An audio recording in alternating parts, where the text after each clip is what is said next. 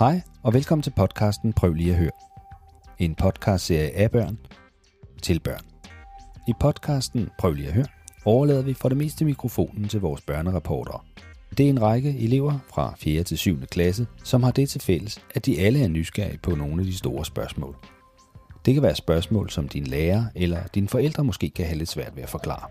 I 10 episoder går vi på jagt og prøver at finde nogle eksperter, der kan svare på spørgsmålene. Og forhåbentlig kan det inspirere dig og gøre dig mere nysgerrig på emnet.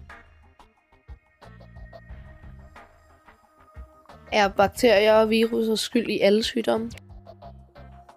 Sygdomme. De fleste sygdomme, vil jeg sige, er på grund af en bakterie eller virus. Bakterierne var det første liv på jorden. De opstod for cirka 4 milliarder år siden, og de havde hele jorden for dem selv. Sådan cirka 2 milliarder år. Bakterier er nogle seje banditter. De har for eksempel overlevet, selvom jorden engang var dækket af sne og is. Men bakterier er ikke så farlige. Kun hvis de kommer det forkerte sted hen.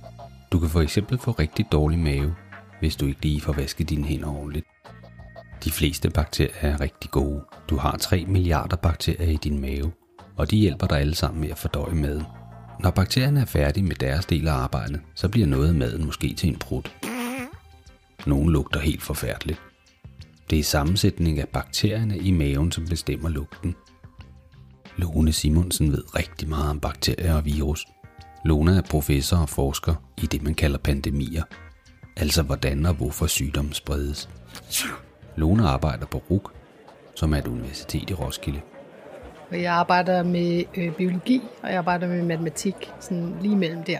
Børnerapporterne i dag er Julius og Hjalmar fra Lilleskolen i Torup. Prøv lige at høre.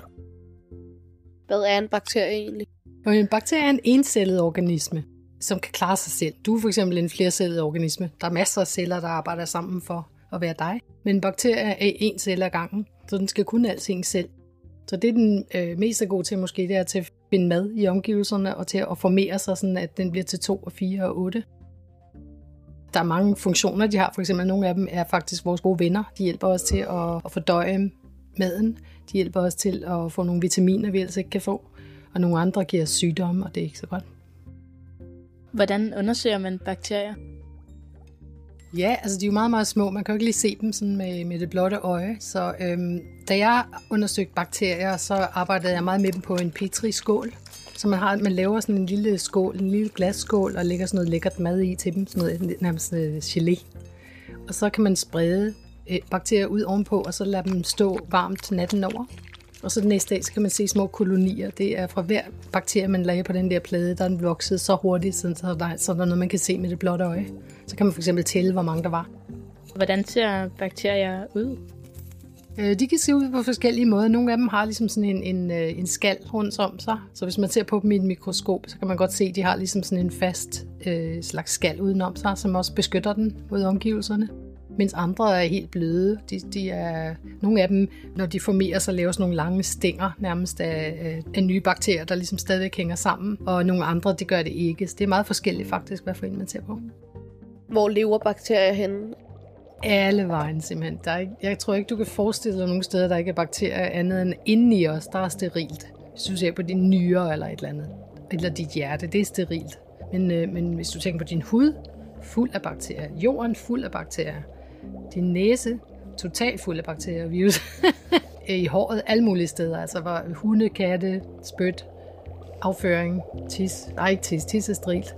Men de fleste ting har, har, øh, har bakterier, og bakterier har mange funktioner, som er vigtige. For eksempel at nedbryde øh, altså, øh, blade, for eksempel. Der er bakteriefloren også med i det. Og sådan, at vi kan få muld, og så, så verden kan gå videre. Er alle bakterier farlige? Det er også vores venner. Nogle af dem øh, hjælper os til at fordøje mad, som vi spiser. Altså nogle, nogle, der er på huden også, er gode. De, de kan også være gode på den måde, de holder de dårlige væk. De gode laver et lag, så de dårlige kan komme og gøre syge. Hvordan spredes de? Altså nogle øh, spredes simpelthen ved, at for eksempel, lad os tage kolera for eksempel, er et godt eksempel. Kolera, det er en vibrio-bakterie, som giver så meget diarré, at hver gang du, diarréen kommer så ud i vandet og ud i kloakkerne, og det kommer på hænderne og fødderne og alt muligt, så det kommer måske også i maden. På den måde kommer bakterien videre til, til de næste, der så bliver syge. Og nu fortalte du om bakterier, men øh, hvad er en virus så? De snylter. En lusket en, den er endnu mindre end en bakterie. Det er faktisk en, der er så lille, den ikke engang har alt det, der skal til for at reproducere sig selv, for at lave en ny virus. Så derfor så, i stedet for, så øh, trænger de ind i celler, for eksempel hvis det er en, hvis det er en virus, der angriber menneskeceller, så kommer den ind i vores øh, lungeceller, for eksempel hvis det er en, noget ind, man har fået fra et host. Derinde, der overtager den maskineriet, og så begynder den at producere sig selv. Og så til sidst, så sprænges cellen og dør, så kommer der en hel masse børnevirus ud af det, eller næste generation af virus. Et virus kan være meget, meget farligt. Der er masser af virus. Fugleinfluenza-virus er et godt eksempel. Hvis du bliver smittet af en fugl og får sådan en virus, der, der, der, så der er 60% sandsynlighed for, at du dør af det. Der er mange af sådan nogle, der er rigtig farlige. Den farligste nok, vi kan huske i nu, er nok den spanske syge, som var lige præcis 100 år siden. Der var et kæmpe udbrud af spansk syge hele vejen verden over, hvor omkring måske 20-40 millioner mennesker døde i hele verden det er en virussygdom, som, som spredes respiratorisk, det vil sige, jeg hoster på dig, du hoster på ham. Så pludselig så har vi altså influenza. Omkring 2% af dem, som, som havde influenza, ville så dø af det. Og der var ikke noget, man kunne gøre. Man vidste ikke engang, at det var en infektionssygdom, eller hvordan man kunne behandle den på det tidspunkt. Hvad for nogle forsøg kan man lave derhjemme for ligesom, at kunne se uh. bakterier? Du skulle købe sådan nogle små petriskåle, og så finde en opskrift på, hvordan man laver sådan noget, øh, noget gelé, som er rigtig lækkert for bakterier at gro i. Du kan bare sætte din hånd på, eller noget, du hedder næsen ud på, eller et eller andet. Så begynder der at vokse nogle bakterier op, hvis du sætter dem i øh, et varmt sted ved natten over. 32 grader, 37 grader eller et eller andet. Og så næste dag, så kan man se alt det der, der er vokset op.